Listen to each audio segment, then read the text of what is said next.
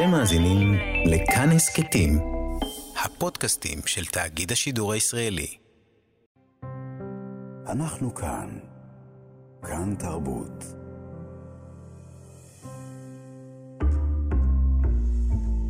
כאן תרבות, חונכת את הספרייה הלאומית בשידור חי מירושלים. ועכשיו, מאיה סלע ויובל אביבי. שלום, צהריים טובים, אנחנו מה שכרוך, מגזין הספרות היומי של כאן תרבות, בשידור מיוחד מהספרייה הלאומית בירושלים. נהיה איתכם פה בשעתיים הקרובות עד אחת, אתם מאזינים לנו ב-104.9 או ב-105.3 FM. אפשר יהיה גם אחר כך להאזין לנו כהסכת באתר, באפליקציה של כאן ובכל יישומוני ההסכתים. אמ, אנחנו בספרייה הלאומית. כן. יובל אביבי, שלום. שלום, מאיה. זה דבר מוזר זה, להיות מחוץ לאולפן.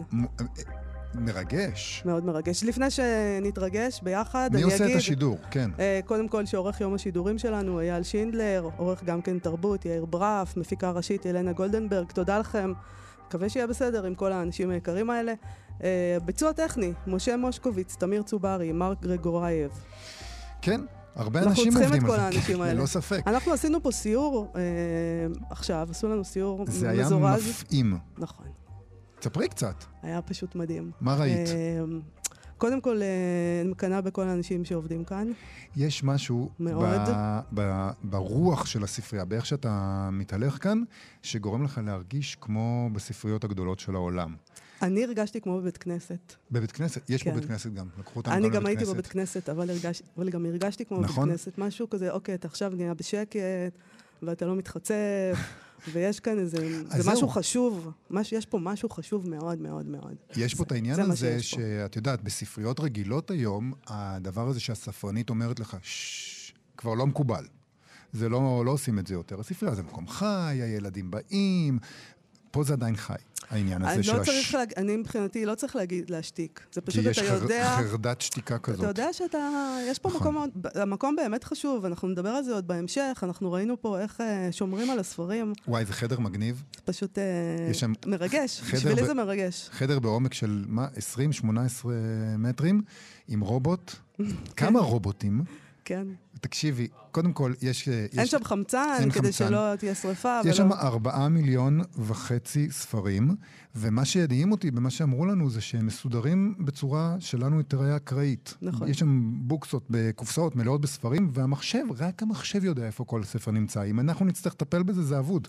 זה נכון, אבל העניין הזה הוא מחזיר שזה כל פעם ספר האוצר- למקום אחר. יובל, עזוב אותך, אני מבינה שאתה מתלהב מהרובוט, אבל זה אוצר אדיר אה, של העם נכון, היהודי, גם זה, גם זה, נכון. שנמצא פה ושומרים עליו היטב, זה דבר מרגש מאוד. שומרים עליו היטב, סיפרו לנו שעשו שינויים בתצוגה.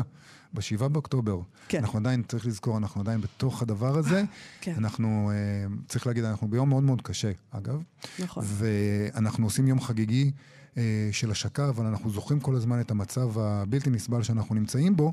אחד מההיבטים של המצב הבלתי נסבל הזה זה השימור באמת של אוצרות הספרייה, וסיפרו לנו שבשבעה באוקטובר הוזנקו לכאן אנשים כדי להעביר אה, ספרים נדירים מהתצוגה שפתוחה לציבור למקלט האטומי. למעמקים, למעמקים. למעמקים זה פה מרגש. השמורים. מהמם. זה, וזה, זה מדהים שגם, צריך לזכור שגם הדברים האלה חייבים, חייבים להישמר, כי הם נשמרו במשך מאות בשנים, ועכשיו חייבים לשמור גם עליהם. נכון. אז, לדורי אה, דורות. אנחנו uh, מקווים שהדבר הזה יישמר לדורי דורות. זה ראוי להישמר. אנחנו, יש לנו הרבה נושאים, אנחנו צריכים להתחיל, נכון? נתחיל. יש לנו יום שידורים מיוחד עם הרבה נושאים. כן. Uh, אנחנו חונכים ביחד עם אנשי הספרייה הלאומית את המבנה החדש. צריך להגיד, הוא גם יפה מאוד. פשוט מאוד. מקום יפה יפה. תואר. עשו את זה כמו שצריך. אנחנו רוצים להגיד עכשיו שלום לאורח הראשון שלנו, דוקטור חזי עמיור, שהוא עוצר אוסף ישראל של הספרייה הלאומית. שלום. שלום, דוקטור חזי יובל. עמיור. לך. שלום מאיה. שלום. מה זה אוסף ישראל?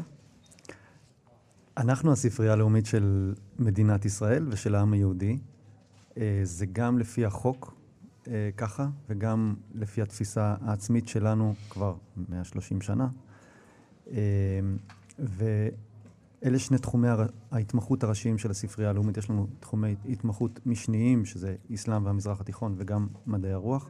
אבל תחומי ההתמחות הראשיים של הספרייה זה ישראל ויהדות. אנחנו לא חושבים שיש אה, הפרדה בין שניהם, אבל לכל אחד משניהם יש אה, קו מרכזי, העם היהודי בכל מקום שהוא, ומדינת ישראל על כל מי שיש בה.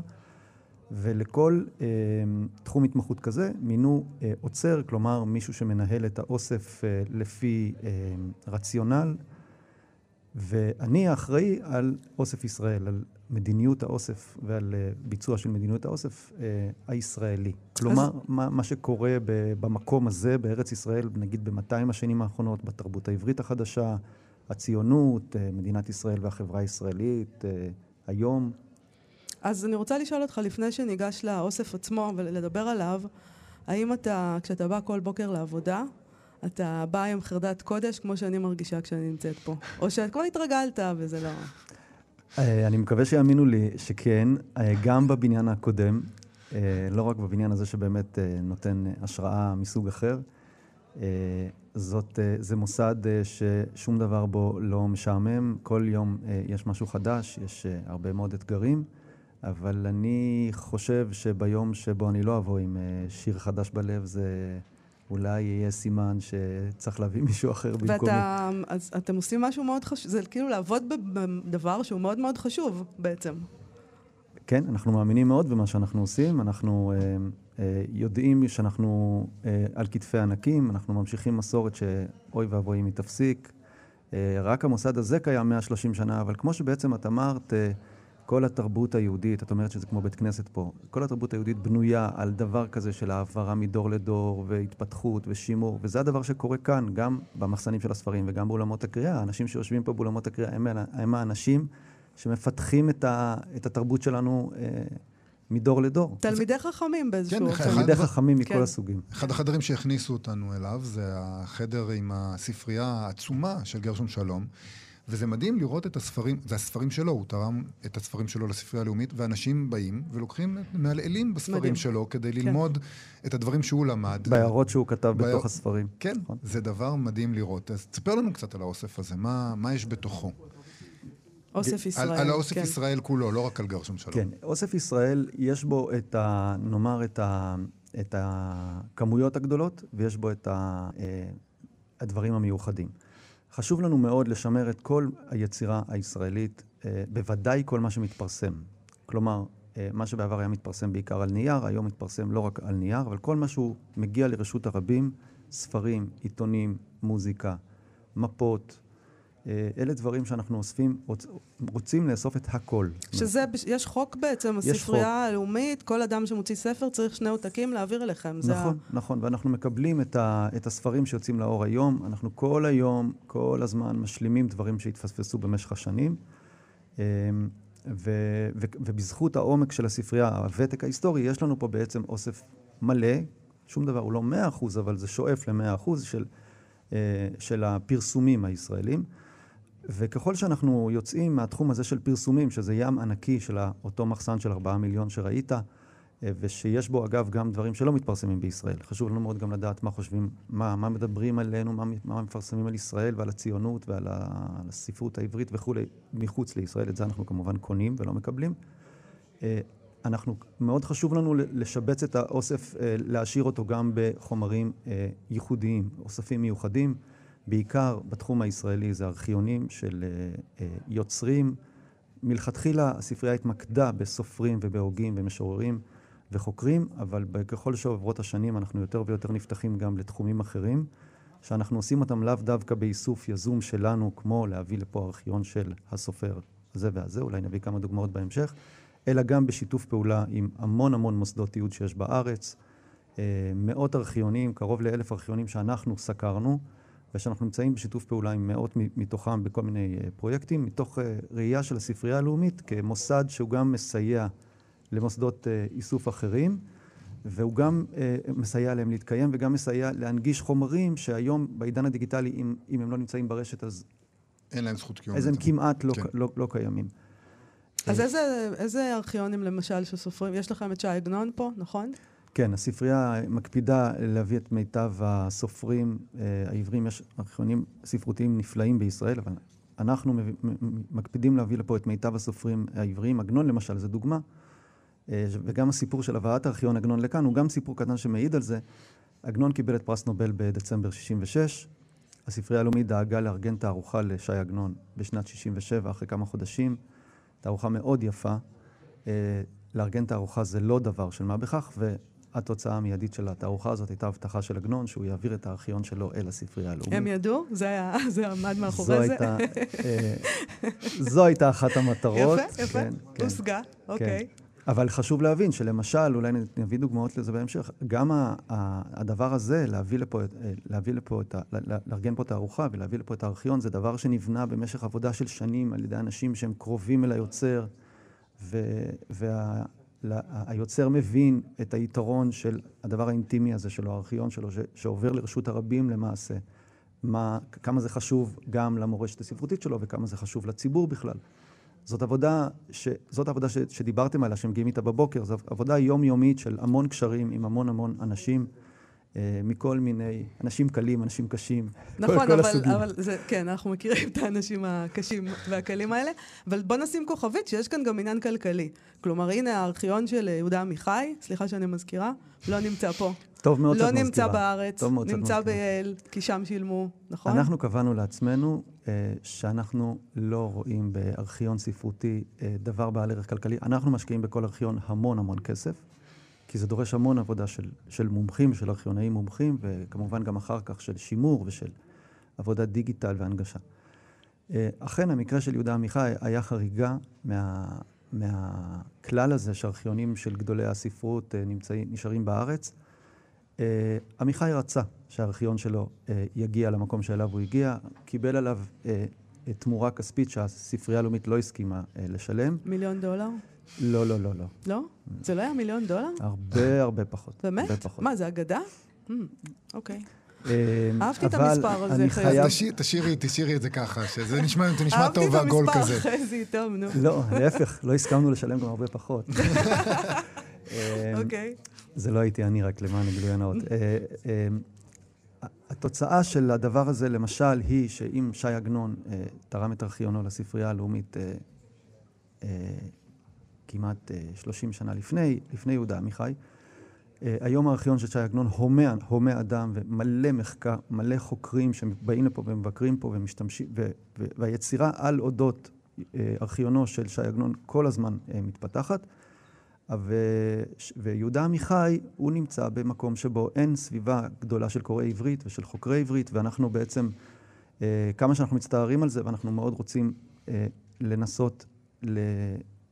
פועלים מדי פעם כדי לנסות להשיג עותק דיגיטלי שיונגש מהספרייה הלאומית. זה מסובך העניין הזה? זה גם מסובך. רק נגיד למי שלא יודע, שעמיחי אה, מכרו את הארכיון שלו לייל, אוניברסיטה אמריקאית. הוא לא בארץ, הארכיון כן, הזה. כן, זאת אומרת, אתה אומר, אה, סופרים ומשוררים צריכים גם לחשוב על מעבר לתמורה, שהיא, בעיניי אפשר לדבר גם על זה, אבל מעבר לתמורה הכספית שאפשר לקבל עבור הארכיון שלהם, אתה אומר, תחשבו מה יקרה ליצירה שלכם. נכון. אם אתם רוצים להיות, אם אתם רוצים שהיצירה שלכם תהיה משהו שמעסיק את ציבור קוראי העברית בעוד 100 שנה, בעוד 200 שנה, אז הספרייה הלאומית זה המקום שבו זה יוכל להמשיך. פשוט תבואו המסר. לבניין הזה ותבינו, לא צריך להסביר, הכל ברור. אתם רוצים שה, להיות פה. שהמסר של עמיחי, אה, המקרה של עמיחי כואב לא רק לספרייה הלאומית, הוא מסר שנקלט בכל קהילת הספרות בישראל, וזה מקרה שלא נשנה, זה פשוט לא קרה שוב. כן. זאת אומרת, הבינו, הבינו את המסר, אתה אומר, אבל בואו בוא נרד אה, למקומות קצת יותר רכיולתיים. יש כל מיני סיפורים יפים מאוד על אה, פריטים מהאוסף נגיד של עגנון. כן, ספר לנו קצת. שנמצאים כאן. אה, תספר לנו קצת על הפריטים האלה שהם אה, אולי פחות החשובים, אבל הם יותר עסיסיים. כן, ארכיון הוא שיקוף של, של חדר העבודה של, ה, של הסופר בעצם. יש בו מכתבים שהוא קיבל, לפעמים העתקי מכתבים שהוא שלח, יש בו אה, קטיוטות וכתבי יד שלו. וכל מיני, מיני דברים שמצטרפים, הכל לפי מידת השיגעון של האדם. למשל, עגנון היה אה, גליציאני מאוד אה, אה, מיוחד, הוא שמר כל מיני דברים, וזה דברים שבמשך השנים הופכים להיות פנינים של ממש. והגיעו לפה דברים שכל הארכיון עבר לפה כחבילה אחת וטופל ברמה הגבוהה ביותר. והגיעו לפה דברים שהם בין פיקנטים לבין מאוד מאוד חשובים מבחינה מחקרית. יכול להיות גם שניהם, יכול להיות אה, דבר שהוא גם פיקנטי וגם חשוב. נכון, נכון. וכמו שאמרתי, ביצירה הענפה שנכתבה על יצירת עגנון, שנכתבה במידה רבה פה, אה, אה, הדברים האלה גם באמת משחקים לפעמים. הבאתי לכם פה דוגמה לאחד הדברים שהוא כנראה גם מה, הימים האחרונים של, של עגנון, לפחות הימים האחרונים שלו בבית שלו. הסיפור הוא, הוא כזה, בישראל כשאתה זוכה בפרס נובל אתה הופך להיות uh, סלבריטאי. ושי עגנון, כשנודע על זכייתו בפרס נובל בשנת 66', הציבור רצה לראות את הגיבור שלו, כן. אה, והיה מגיע, אה, מגיע לשכונת תלפיות בשבתות כדי אה, לראות איפה גר הסופר. אנחנו מכירים את בית עגנון בתלפיות, זה בית יפה ש... נכון. והם עשו רעש, ועגנון לא אהב את הרעש הזה. אז במשך השנים שבין 66 ל-69, שאז הוא כבר היה חולה ועזב את הבית, הוא היה, הוא תלה שלט על הגדר.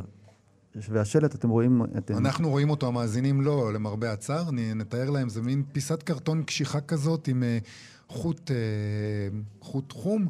כאן יושב יהודי שומר שבת. מה זה? אל, ת... אל, אל תשביתו לו. אל תשביתו לו את השבת. כאן יושב יהודי שומר שבת. זה מרגש. ואיך הוא הגיע לכאן, השלט הזה? אז, אה, אז קודם כל, תחשבו, כי שכונה נידחת בירושלים, מתאספים אנשים, עגנון רוצה בשבת לנוח, והוא תולה את השלט, הניסוח העגנוני הזה, על שלט קטן שהוא... עכשיו אומרים, האגדה אומרת שכל שבת מישהו היה לוקח את זה למזכרת, אז הוא היה צריך להכין כל שבוע משהו חדש. זה גם מה שאני הייתי עושה. שזה האחרון. בוודאי. אה, זה האחרון? אז אולי זה האחרון שהשתמר איכשהו. אה, וזאת דוגמה באמת גם לאופי של עגנון, כמובן, אה, שאתם יודעים שכשאחד העם אה, הגיע לתל אביב, אז עשו לו רעש, אז פשוט העירייה סגרה את, את רחוב אחד העם בתל אביב. אה, אוקיי. לתנועה בשבתות. לתנועה של מכוניות בשבתות, כדי שלא יהיה רעש לאחד העם. זאת הדרך של עגנון. זאת הדרך של עגנון, כן. אז נגיד רק שיש עוד סיפור שאני רואה פה, שמצאתם, יש לכם באוסף של עגנון צטלח, ממש פתקאות קטנות שעליהן הוא רשם דברים שילדים אומרים. נכון. מה זה? זה? זו הזדמנות uh, נפלאה להזכיר את מי שהרוח החיה בהבאת ארכיון עגנון uh, לספרייה הלאומית, שנפטר לפני חודש בערך, פרופסור מלאכי בית אריה. מומחה גדול בפני עצמו לפלאוגרפיה ולכתב העברי, והוא היה, הוא גם היה משורר, והוא היה קרוב לעגנון, הוא היה צעיר ועגנון היה מבוגר, והוא היה קרוב אליו, היה בא לבקר אותו מדי פעם. ויום אחד הוא הגיע ל... למשרד של עגנון, ועגנון יצא לרגע, ו, ואני מספר פה רק בגלל שהוא כבר נפטר, אני בטוח שהוא יסלח לי שאני מספר את זה היום. אמ, הוא, הוא מספר שעגנון היה כותב טיוטות וזורק אותם לתנור, לתנור. היה לו תנור אה, עצים כזה בחדר. ו... משליך ו... לאח. משליך, אבל בעצם. הוא, כש, כשמלאכי היה שם, אז עגנון לא הספיק להדליק את התנור, יצא רגע מהחדר, מלאכי לקח את, ה, את הדפים. הוא עשה בדיוק מה שאת רצית לעשות. הוא פילח. הוא פילח. פילח, כן. והביא את זה לספרייה, אבל אז הוא שבר את הראש. מה זה הדפים האלה? זה חתיכות נייר שלא הצליחו להבין מה הטקסט ש... שהיה כתוב עליו. ואנשי הארכיון פה, אה, רפי וייזר, שהיה אה, המומחה לעגנון, שניהל פה את ארכיון עגנון במשך הרבה שנים, יחד עם אה, מלאכי בית אריה, הזמינו את חמדת עגנון, שהיה שותף של אבא שלו, היה זר לאבא שלו בהרבה, בכתיבת, בעריכה, בהעתקה, ב... הכיר את היצירה של אבא שלו, וגם חמדת לא הבין מה הוא רואה, עד שבסוף התפענחה השאלה. עגנון כתב בסוף ימיו את שירה. כן. בסוף ימיו הוא התקין אותו לדפוס, אבל הוא פרסם בשנות ה-40 אה, פרקים כל שנה בשנתון הארץ, אה, פרק על שירה, וזה היה אחת האטרקציות השנתיות, כל פעם עוד פרק משירה. עכשיו, מה מיוחד בשירה?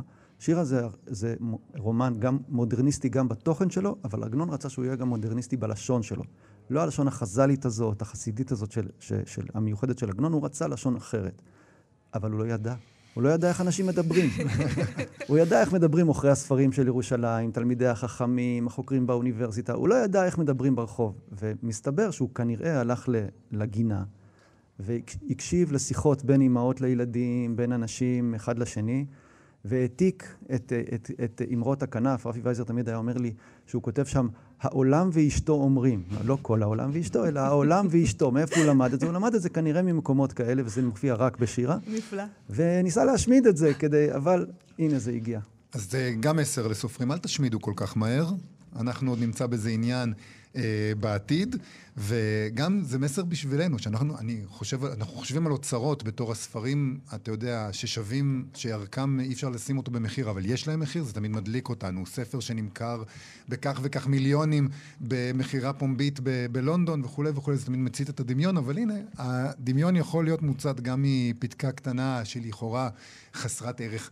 כספי. אני רוצה להגיד לך תודה רבה, דוקטור חזי עמיור, עוצר אוסף ישראל של הספרייה הלאומית. תמשיכו בעבודה הזאת ולאסוף בשבילנו את הצטלח האלה, זה פשוט נפלא. תודה, תודה רבה לך. תודה, תודה. איזה כיף לך, חזי עמיור. איזה עבודה נהדרת. תודה. תודה רבה.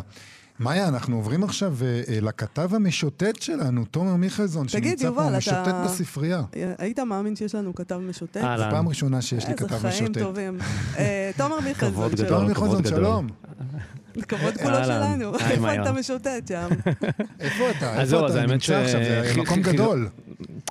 זהו, אז עד עכשיו אה, שוטטתי בתוך הספרייה, ועבורכם חירפתי את נפשי ויצאתי החוצה, בגשם ובקור הירושלמי, אה, לאחד המונומנטים הכי מרשימים לדעתי בספרייה הזאת, אה, שזה פסל אותיות האור, פסל אותיות אור של מיכה אולמן. אנחנו ראינו, ראינו מודל שלו במעמקי הספרייה, כן. אתה נמצא שם עם כן. דוקטור יגאל צלמונה, היועץ האומנותי של נכון. הספרייה, בוא נשמע אותך. נכון. אהלן, יגאל. אהלן, אולי תקראו לי עוצר משוטט גם כן. הוא יוצר משוטט. בסדר גמור. בשמחה. העוצר המשוטט. נהדר. אז יגאל, תספר לנו קצת בעצם מה אנחנו, מה אנחנו רואים פה בעצם, מה, מה יש פה בפסל הזה. תראה, אנחנו נמצאים במרכזו של מעגל אותיות גדול, ענק, 22 מטר קוטר, אותיות אבן. וברגע הראשון שאתה נכנס לתוך אוסף המונומנטים הזה, אתה לא בדיוק מבין מה אתה רואה, אתה מנחש אולי שאלה אותיות, למרות שאתה לא רואה באותיות באופן ברור. אתה רואה בשלט שליד הפסל שהפסל נקרא אותיות אור. אבל אני רוצה רק לומר שמכיוון, עם כל, כל הפסל הזה שעשוי מטונות של, של, של אבן, שהובאה במיוחד, האבנים הובאו ממצפה רמון, ונחצבו במיוחד, ונחתכו באיזשהו מפעל כדי לקבל את צורת האותיות. וזה פסל ענק במובן הזה שיש את המעגל שבו אנחנו נמצאים, אבל יש חלק תחתון לפסל. נכון. היינו יכולים לרדת עליו אם אפשר היה. אני אספר לך עליו. זאת אומרת, זה בעצם פסל העבודה הסביבתית האומנותית הגדולה ביותר בארץ. כן, רק, רק, רק נתאר, בעצם יש פה אבנים במעגל, בסוג של כמו שעון אה, אור, אה, ובאמצע יש פה בעצם שלוש אותיות, שזה א', אליף ו-A, אוקיי? שדרכן אנחנו רואים את החלל למטה. אה, מה בעצם רואים למטה? מה שרואים למטה זה חלל גדול, בערך בגודל של הכיכר הזאת, אה, שמובילה אליו, מוביל אליו מסדרון, ואם תראה את האותיות כאן וככה תתרכז בהן, אתה תראה שהאותיות שאנחנו רואים כאן מסביבנו הן 18 אותיות. אבל הפסל כולו עשוי על פי המודל של 22 אותיות האלף-בית העברי. אז כדי לקבל 22 יש לנו עוד כמה אותיות שמתחבאות כאן למטה. ויש כאן קונספט נהדר של מיכה רולמן, שבעצם, אולי זאת הנקודה העיקרית, הפסל הזה מייצג את הדיבור, את הדיבור. כי מה שקורה כשאנחנו מדברים, אנחנו עושים פעולה פיזית כביכול פשוטה, ופעולה אינטלקטואלית כביכול פשוטה.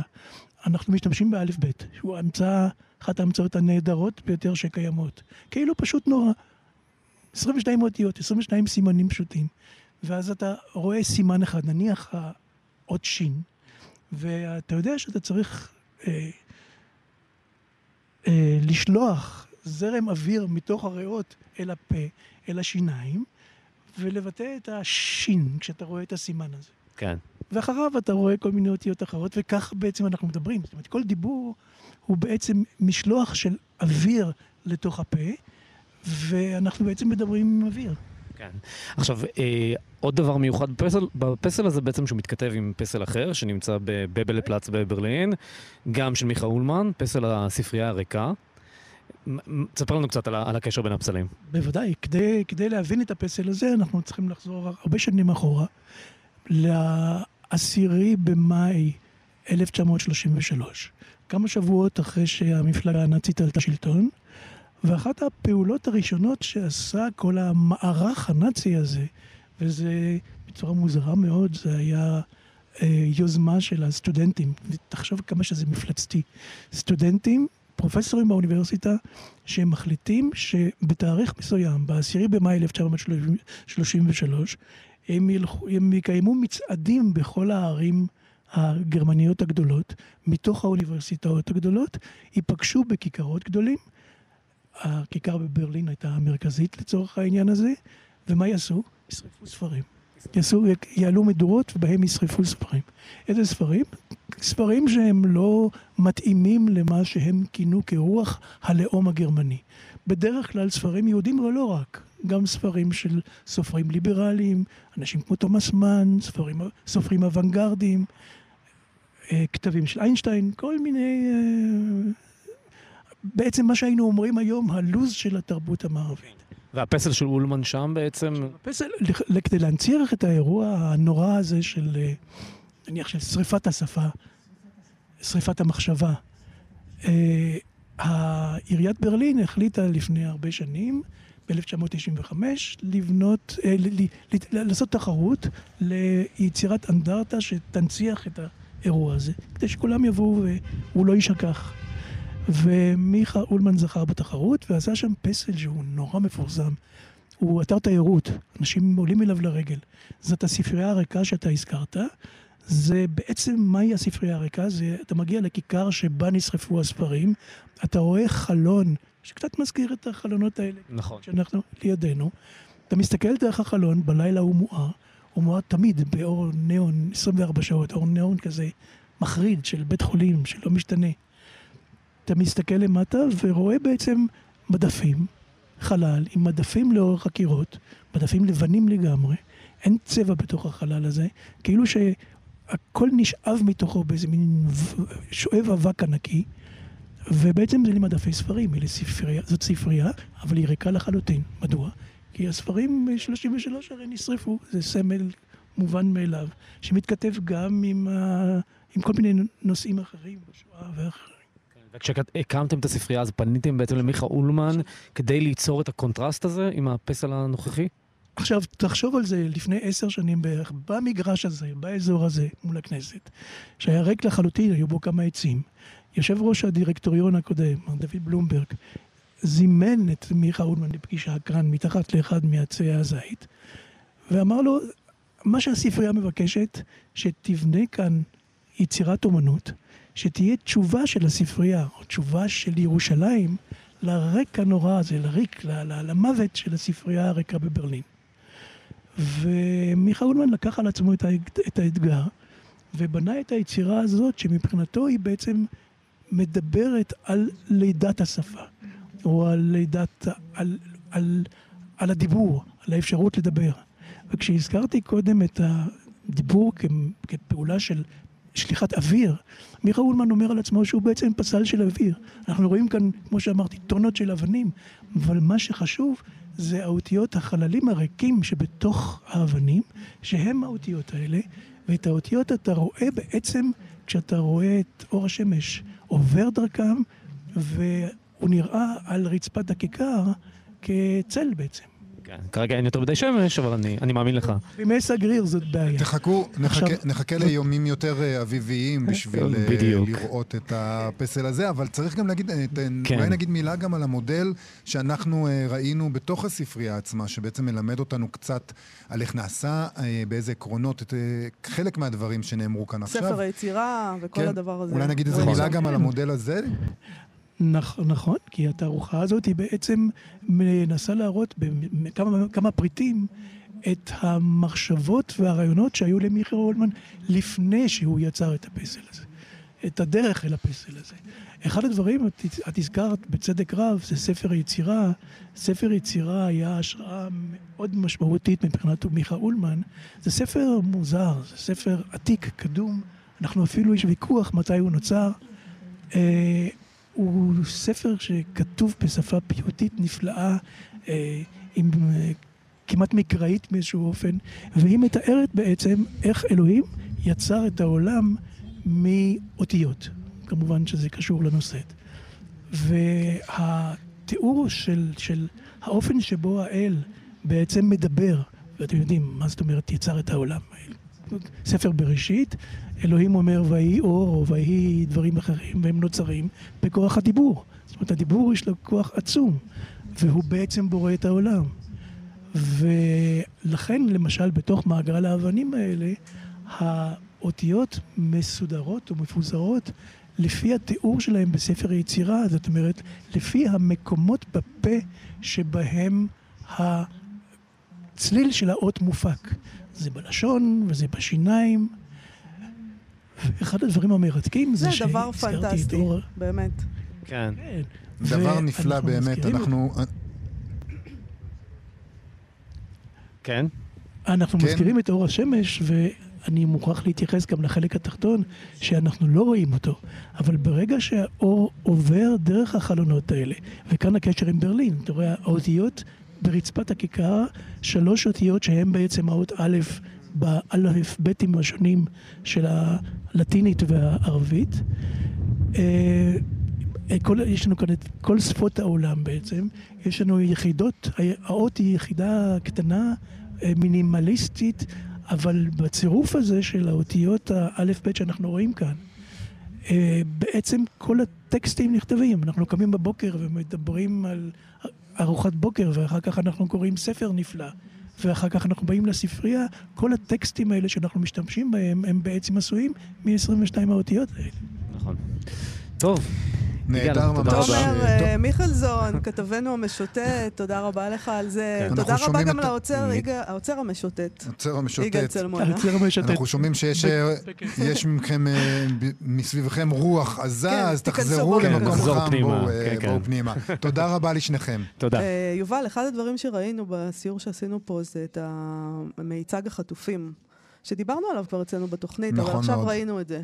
צמרמורת, נכון? הדבר הזה שיש כיסאות, וכל כיסא יש אה, תמונה... וספר. וספר. ולפעמים... לא קל לראות את זה. לא קל לראות את זה בכלל, ולפעמים אה, לפעמים, אה, החיבור של השם של הספר שנבחר מאוד מכה בך. איתנו דורית גני, שהיא האוצרת של מיצג החטופים. נכון, שלום, תודה שבאת. תספרי לנו קצת על, על מה עשיתם כאן איך, בעצם. איך נולד כל הדבר הזה?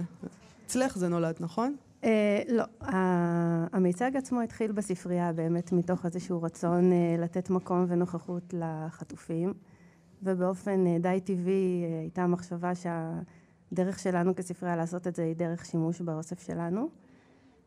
ואז קראו לי, אני, ההתמחות שלי היא ספרות ילדים, אז בעיקרון קראו לי כדי לבחור את ספרי הילדים והנוער, שזו הייתה כמובן חוויה מאוד קשה, אולי נדבר על זה אחר כך, אבל...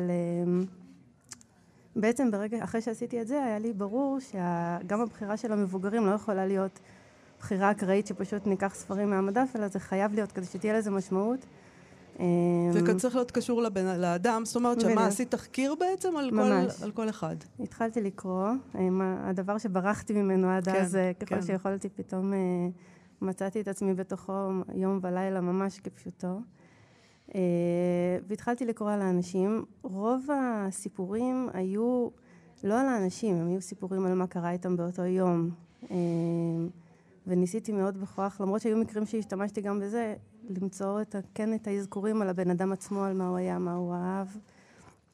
ומתוך זה לבחור ספר, וכמו שאמרתם, ככל שיכולתי ניסיתי שהבחירה תהיה כפולה, כלומר גם... אה, גם משהו שמתאים לבן אדם, אבל גם שהשם עצמו ידבר בלי קשר, ואז אם היה אה, נגיד אה, את אה, נדב פופלוול, ש, שקראתי עליו שאוהב ספרות מדע בדיוני, אז שמתי לו את בשורות טובות, או אה, אוקיי, כן. באמת איזשהו ניסיון ש, שזה ידבר כפול, כן. כלומר גם ל...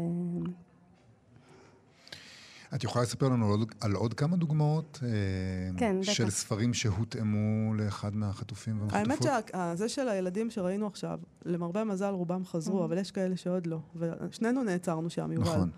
כי זה מזוויע. נכון. תראה, הילדים, באמת כשהוא עמד, זה היה באמת חלק ש... שפשוט אנשים כפשוטו עמדו ובכו מול הדבר הזה, זה היה מאוד קשה להכיל את זה. ושם עבדתי קצת שונה, בניגוד להתאמה האישית, למרות שהיו כמה, אני אולי תכף אתן דוגמאות, אבל יותר ניסיתי למצוא את הספרים המוכרים, כלומר שבאמת אנשים יעברו ויגידו, זה ספר שהם כנראה קראו, זה ספר שאני קראתי לילדים שלי, לנכדים ראיתי, שלי. כן. אה, ובאמת לשחק עם הכותרים. אה, כן עשיתי גם שם התאמות, לדוגמה, גלי טרשנסקי שחזרה לשמחתנו, וקראתי שהחלום שלה הוא אה, להקים חווה לכלבים עזובים, אז שמתי לה למשל את לאסי חוזרת הביתה, כלומר ניסיתי לשחק, אבל לרוב זה היה ספרים כאלה. אמ, אם ניתן דוגמאות מהמבוגרים, אז אה, למשל אלכס דנציג, בן 75, הוא בעצם בן, לנ... בן לניצול שואה והוא מדריך ביד ושם, הוא מדריך משלחות נוער לפולין וכל העיסוק שלו וכל החזון שלו זה דיאלוג בין נוער יהודי ונוער פולני, אז שמתי לו את בני האדם הם טובים של יאנוש קורצ'אק, למשל. אחד הדברים שאמרת שקורים באמת זה שאנשים חוזרים. אנשים כן חזרו משם, וגם uh, למרבה הצער אנחנו למדים uh, על אנשים שלא לא חוזרים משם בחיים. ובעצם אתם מתמודדים גם עם השאלה מה לעשות עם, ה, עם הכיסאות האלה, עם ה, עם ה, מה, מה, איך אתם מחליטים מה לעשות לא, בעצם? לא, הייתה התלבטות מאוד קשה. אה, דווקא בהתחלה כשחזרו והיה באמת איזו שמחה עם החוזרים ואיזה רצון אולי לציין את זה באופן, אה, באופן שמח, אבל האמת היא שכבר אז היה ברור שלא לא בהכרח כל החזרות יהיו שמחות. והחלטנו שהמיצג הזה בסופו של דבר המטרה שלו היא לא לתעד, להיות איזה תיעוד של אירוע החטיפה, אלא באמת יש לו מטרה אה, מאוד ספציפית של באמת להזכיר את האנשים ששם ולהנכיח אותם כל הזמן, ולכן ההחלטה היא שמי שחוזר, אה, בוודאי חי, אבל אה, גם לא, אנחנו מוציאים את הכיסא. את הכיסא? אה, מי שנודע אה, מי שנודע שהוא מת אבל הגופה עדיין שם, אנחנו משאירים את הכיסא אבל מוציאים את הספר ומסמנים את זה עם, עם סרט שחור. אה, כשכמובן, כל, צריך גם לומר שכל, בעצם יש לנו פה שני, אה, לא יודעת אם ראיתם את זה, אבל בעצם יש לנו גם קיר זיכרון כאן, אז בעצם כל, החוז, כל מי שיוצא מהמיצג חטופים, לצערנו, עובר פשוט לקיר אה, הנצחה, לקיר זיכרון. זה נשמע... קשה, דורי. זה נשמע נורא נורא קשה. כאילו אנחנו אומרים, לכאורה... אה, פשוט אה, מיצג כזה שנועד אה, לעורר מודעות, אבל בעצם מאחוריו מקופל, מקופל המון כאב ודורש המון עבודה מאוד מכאיבה. מאוד מכאיבה, כי באמת עכשיו השמות לכולם, אני לא, כל אחד שעכשיו קורא על, על מי שמת או מי שנחטף זה, זה שובר את הלב, אבל אני מוצאת את עצמי עכשיו באמת שכל שם כזה באמת אומר לי משהו, אני יודעת כן. מי הבן אדם, מה עומד מאחורי זה, וזה... ואז באמת לגשת למיצג, והפעולה הזאת של להוציא את הספר אה, היא פעולה מאוד קשה. אחד המקרים באמת אה, ששברו לי את הלב היה עכשיו עם אה, רביד כץ. כן. ש...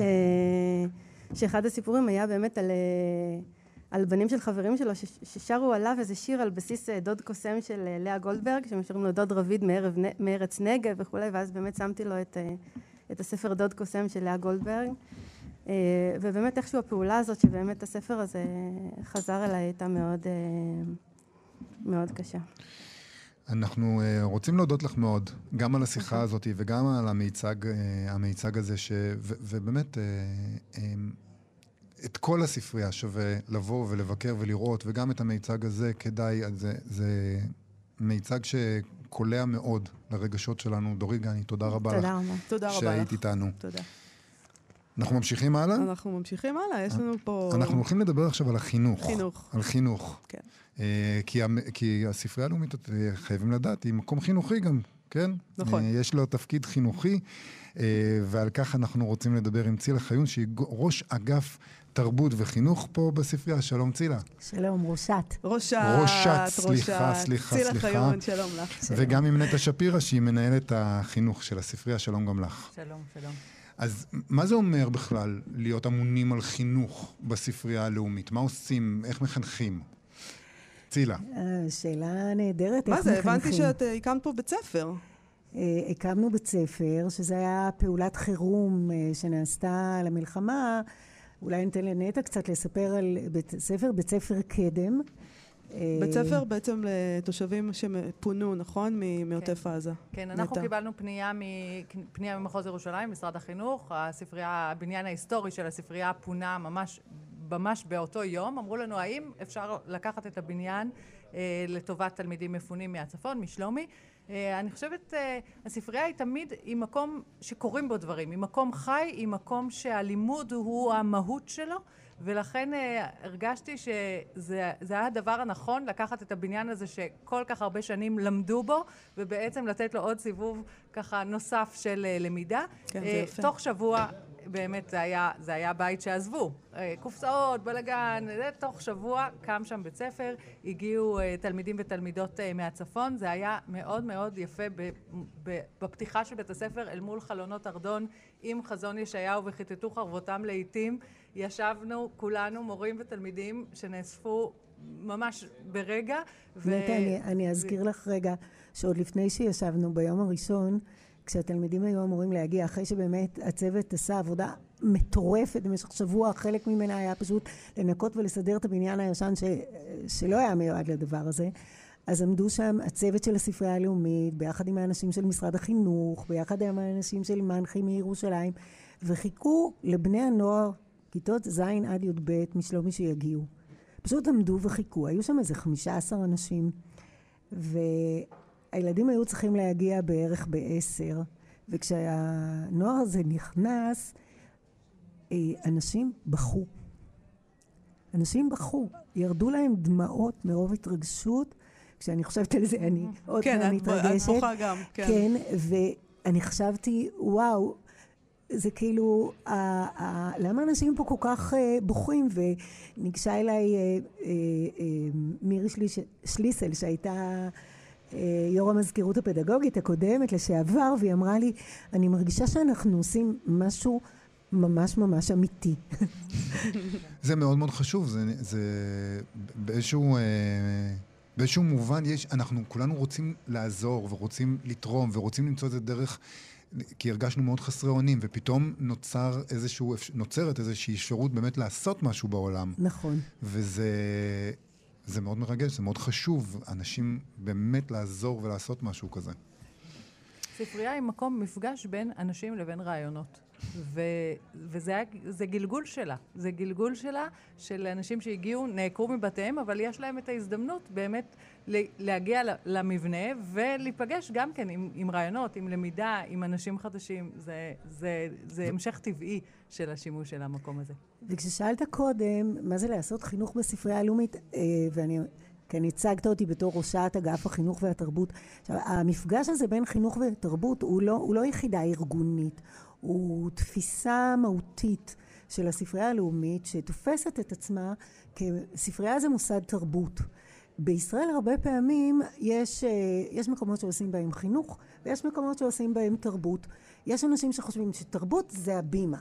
חינוך זה או לימודי ליבה או מורשת. לנו יש תפיסה אחרת לחלוטין. אנחנו חושבים שהספרייה יכולה להיות מוקד שבו גם תלמידים וגם אה, מורים ותלמידות ומורות כמובן, כשהם מגיעים לספרייה הם עוברים חוויה תרבותית, והחוויה התרבותית הזאת היא נוכחת בכל מקום, אנחנו יושבים פה ואתם רואים את זה. הבניין הזה הוא חוויה תרבותית. הפעילות נעשית הרבה פעמים בפורמטים של עולם התרבות, אה, בצורות שבו עולם התרבות עושה פעולה תרבותית.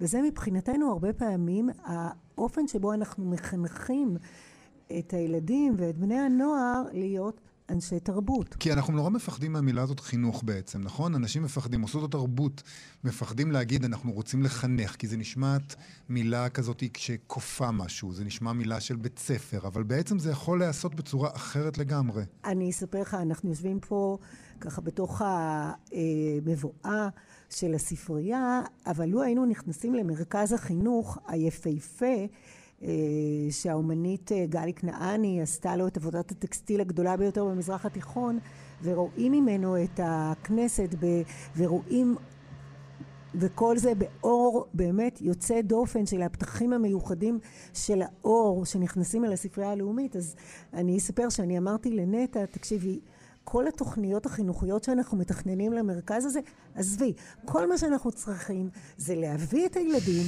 להכניס אותם אל המקום הזה, להגיד להם, בואו תהיו פה קצת, ואחרי שעה הם יותר מחונכים. אני מסכימה איתך מאוד מאוד מאוד. מה זאת אומרת? אני אמרתי שאני רוצה לעבור לגור פה פשוט. אנחנו אה, נכנסנו, אה, הזכרנו את זה מקודם, נכנסנו לחדר אה, של הספרים של גרשום שלום. מיד, גרשום שלום, מיד אתה מרגיש מחונך. קודם כל, אתה נהיה קצת יותר מנומס, אתה נהיה מכבד. יש אווירה של כבוד לספר ולספרים.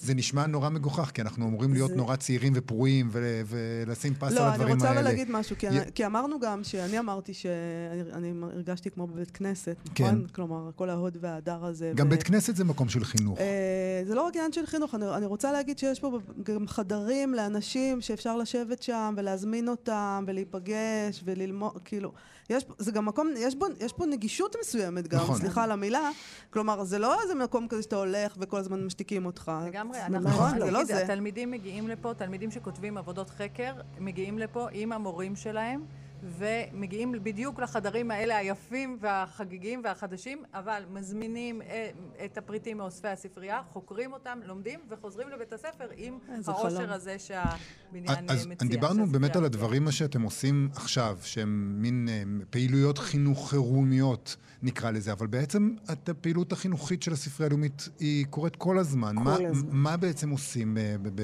בשגרה?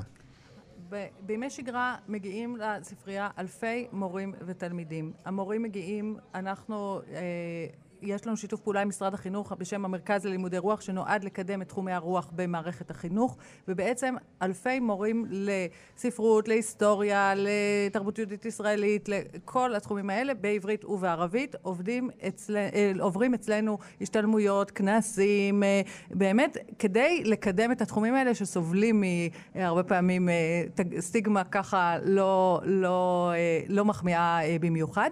תלמידים באים לכאן גם לסיורים, וגם יש לנו פעילות שהיא גם לאו דווקא מחייבת. אה, אולי אני אספר על דבר אחד שקורה ממש ממש עכשיו. יש תחרות בבקשה. כתיבה, שמעתי. נכון, תחרות כתיבה. מה זה?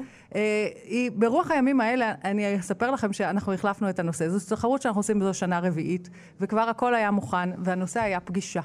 וכיוון שאנחנו עובדים עם בני נוער, וניסינו לדמיין מה הם יכתבו, והרגשנו שאפילו המילה התמימה והניטרלית פגישה, היא, יכולה להיות היא, טעונה. היא קשה מדי. כן. ובחרנו, אה, החלפנו, כתבנו מחדש, חיפשנו מחדש את החומרים בספרייה, והנושא הוא מחר, שגם הוא, אה, עשינו סדנאות יחד עם רינת, הסופרת רינת אה, פרימו, עשתה סדנאות לבני הנוער. אחת הבנות, הייתה, אחת התלמידות כתבה, הייתה צריכה לכתוב משהו שמתחיל במשפט מחר, והיא כתבה, מחר אימא שלי תקום מהמיטה ולא תדאג איפה הילדים שלה נמצאים עכשיו. כן, מחר כן. אני לא אחשוב איפה האחים שלי נמצאים עכשיו. ואני הייתי, השתתפתי בסדנה הזאת כצופה, ו, וממש בכיתי כשהיא הקריאה את זה. אני עברתי ליד המשרד של נטע, ואני רואה אותה בוכה. חשבתי, מה קרה? לא... ורק אחר כך היא אמרה לי, אני כל כך מתרגשת ממה שקורה בתחרות הזו, היו, מהילדים. היו 70 זה ילדים מדהים, אבל, בסדנה. מדהים אבל שהיא יכולה לכתוב את זה ככה, כי גם... אני חושב אה, על, אה, על אופן הביטוי של, אה, של ילדה שנמצאת במצב הבלתי אפשרי הזה, ופתאום נוצר איזה פתח כזה. אני לא בטוח שמבוגרים היו יכולים לכתוב על זה בצורה כזאת, לפ... לפ... להגיד את הדבר הפשוט הזה, מחר שהאחים שלי יהיו לידי, זה דבר, זה בקשה שהיא נשמעת כל כך uh, תמימה וכל כך נאיבית, שקשה בכלל לשים אותה בתוך משהו שאתה כותב. כן, עוד, כן, בבקשה. עוד רגע מאוד מאוד מרגש שהיה באותה, באותה סדנה, שגם היו שנים קודמות סדנאות, השתתפו 20 ילדים, 30 ילדים, השנה היו שתי סדנאות, בכל אחת 70 ילדים שהשתתפו. רינת ביקשה, רינת פרימו ביקשה מהם לכתוב תפילה, אה, תפילה למחר. ואחד הילדים, אולי הוא בן 13, באמת צעיר מאוד, הוא אמר, אני רוצה לקרוא, אני רוצה לקרוא. והוא פשוט חיבר מזמור ושר אותו. אלה היו עשרות ילדים, אף אחד לא הכיר את השני, והוא פשוט שר מזמור תפילה לשלום, למחר אחר, לימים אחרים. זה היה רגע, וזה רגע- רגעים שקורים לנו בעבודה שלנו, ואם אנחנו לא מפחדים מהעבודה חינוכית, אנחנו עושים אותה כל הזמן, מתוך בחירה, מתוך התלהבות, מתוך אהבה, מתוך התעניינות, וזה היה רגע שככה בשבילי מיצה את, ה, את הזמן הזה, שמצד אחד הוא קשה, ומצד שני אפשר לתת בו הזדמנויות. אנחנו עושים כל שנה אה, כנס שמיועד לתלמידים שהנושא שלהם זה תחומי הרוח, והם רוצים אה, מצוינות בתחומי הרוח. יש מכנים את זה כנס החננות של ישראל. מגיעים מאות בני נוער. אנחנו גאים להיות חננות. יש מאות בני נוער חננות שמוכנים ורוצים לדבר על טקסטים שיכולים להיות מטקסטים פילוסופיים של היוונים הקלאסיים ועד טקסטים עכשוויים, בועטים ועם מילים ש... אה, הילדים צריכים לעשות עליהם גוגל, או הנוער צריך לעשות עליהם גוגל, ואנחנו גאים להיות המוקד שבו אנשים שאוהבים לכתוב, ואוהבים לקרוא, ואוהבים לדבר על טקסטים, אנחנו אומרים להם בואו זה הבית שלכם ופה אתם תפגשו עוד המון אנשים בדיוק כמוכם אתם לא לבד בעולם ובמובן הזה אנחנו רואים את עצמנו כהנהגה לטיפוח הרוח בישראל. אני חייבת, סליחה יובל. בבקשה. אני חייבת להגיד שזה די מדהים העובדה שהצליחו לעשות פה בניין מדהים, מהודר ונהדר. ומצד שני אתה מרגיש נוח בו. זאת אומרת, אפשר, ילדים יכולים להסתובב פה. אולי נגיד מילה על מה שקורה, מה שקורה עכשיו מעבר לזכוכית. זה משהו שאני אמרתי לאדריכלים, גם על משהו שקורה מעבר לזכוכית, כשאתם יודעים, אנחנו מכרנו פה כרטיסים אה, לפעילויות לכל המשפחה, להורים וילדים. ביום הראשון שבאתי, אני מסתכלת על הצבע, ואני רואה שהכל מאוד שקט. ואני ידעתי שאנחנו סולד אאוט, אנחנו מכרנו 2,500 כרטיסים, כל כרטיס שהיה לנו. ואני ניגשת למנהלת מרכז המבקרים שלנו, ואני אומרת לה, תגידי, יש נו שואו? למה כל כך שקט ואיפה כולם? היא אומרת לי, כולם פשוט מסתובבים וככה הם מתנהגים פה ואנחנו פשוט הבנו את זה. אני אמרתי לאדריכל שבנה את ה... שעבד איתנו פה כל כך הרבה שנים בבניין הפלאי הזה הנס הזה, באמת אמרתי לו, תשמע, מה שמדהים בארכיטקטורה של הספרייה הלאומית זה שזה מצד אחד מהודר באופן בלתי רגיל. קשה למצוא מקום כזה במדינת ישראל. זה נכון. מהצד השני... מזמין. זה... זה פונה לצד המהודר שבך. זה לא גורם לך להרגיש קטן, עני וחסר משמעות, זה לא גורם לך להרגיש... זה מאוד יפה, צילה. כאילו נכנסת לקתדרלה ועכשיו מי את בכלל, נכון, זה נורא גדול, נכון, נכון. זה מלא כסף, זה, ומי את בכלל שיש לך בסך הכל איזה דירה ב... זה, זה פונה אל הצד המהודר והמכובד. אולי אפילו לא ידעת שיש בך צד מהודר, והנה עכשיו אתה רואה את הצד המהודר. אז רק נגיד שאנחנו יושבים עכשיו בעצם בקומת כניסה, יש פה את האודיטוריום, והאודיטוריום, הקיר שלו הוא קיר זכוכית ועשרות, אולי אפילו יותר מעשרות, מאוד, מאה, יותר ממאה איש, נמצאים מעבר לקיר הזכוכית הזה, ויש פה ילדים ומבוגרים. ו, ויש פה התרחשות שנראית מאוד מאוד מזמינה. זאת אומרת, יש פה הרבה, כמו שאמרנו, יש הרבה כבוד למקום הזה, אבל גם כולם נראים שהם מרגישים בנוח, מוזמנים, אה, מוזמנים כולם פנימה. כולם באו עם הצד המהודר שבהם. אני, אני אוהבת את זה, צילה. אני מאוד אוהב את זה. אני חושב שגם כן. בבית שלי אני אוציא את הצד המהודר שלי. נראה איך המשפחה שלי תגיב לצד כן. המהודר שלי בבית. לא נראה לי שהבית שלי... אה, מציע את אותה תחושה. אני יכולה לספר על עוד פרויקט אחד קטן שאנחנו כן, יש לנו, יצרנו, יש לנו דקה, דקה בשביל זה. המלחמה, אז כן. אנחנו יצרנו ניידת אה, ספרים, שהיא חוויה שעוסקת בקסמם של ספרים וסיפורים. הניידת אה, נקראת ירמיהו, חתול לספרייה. היא נראית כמו חתול, והיא מכילה בתוכה ספרים, תיאטרון נייד, פעילויות, והיא נעה, היא... אה, נעה בין uh, מרכזים של תושבים מפונים ועושה להם שעה אה, של קסם uh, ומיועדת להוציא מהם באמת את הרגע הזה, את הרגע של הקסם והפליאה והחוויה שספרים וסיפורים יכולים לעשות. אז הניידת הזאת אנחנו נחנוך אותה ב-25 לדצמבר. Uh, והיא תעשה רוד שואו, היא תצא לדרכים... תביא את ההידור. ההידור... היא תביא את הקסם ואת ההידור. את הקסם ואת ההידור של הספרייה הלאומית לכל מקום שבו הוא נדרש קצת. Uh, תודה רבה לך. צילה חיון, ראשת אגף תרבות וחינוך בספרייה הלאומית, נטע שפירא, מנהלת החינוך. תודה רבה גם לך. תודה אתם עושות עבודה נהדרת. תודה, תודה לכם. תודה רבה. יובל. מה, uh, כבר נגמרה שעה? עד כאן השעה הראשונה של לא המשדר לא המיוחד שלנו מהספרייה הלאומית בירושלים. אז אנחנו נשמע חדשות. נגיד תודה למי שעשה איתנו את התוכנית, אה, את השעה הזאת. אה, בטח, תגיד תודה. מאיפה הדף של הקרדיטים? עורך יום השידורים שלנו הוא אייל שינדלר, המפיקה הראשית היא אלנה גולדנברג. הכתב המשוטט שלנו היה תומר מיכלזון. נכון. איזה כיף, יש לנו כתב משוטט. יש לנו כתב משוטט. נגיד אה, גם תודה למפיקים, נועה רוקני, איתי אשת, ליהי צדוק, הילה שוקר ונועה טייב ולביצוע הטכני, משה מושקוביץ, תמיר צוברי ומרק גרגוירב. תודה רבה לכולכם. ניפגש שוב, עוד מיד עוד אחרי. החדשות. כן.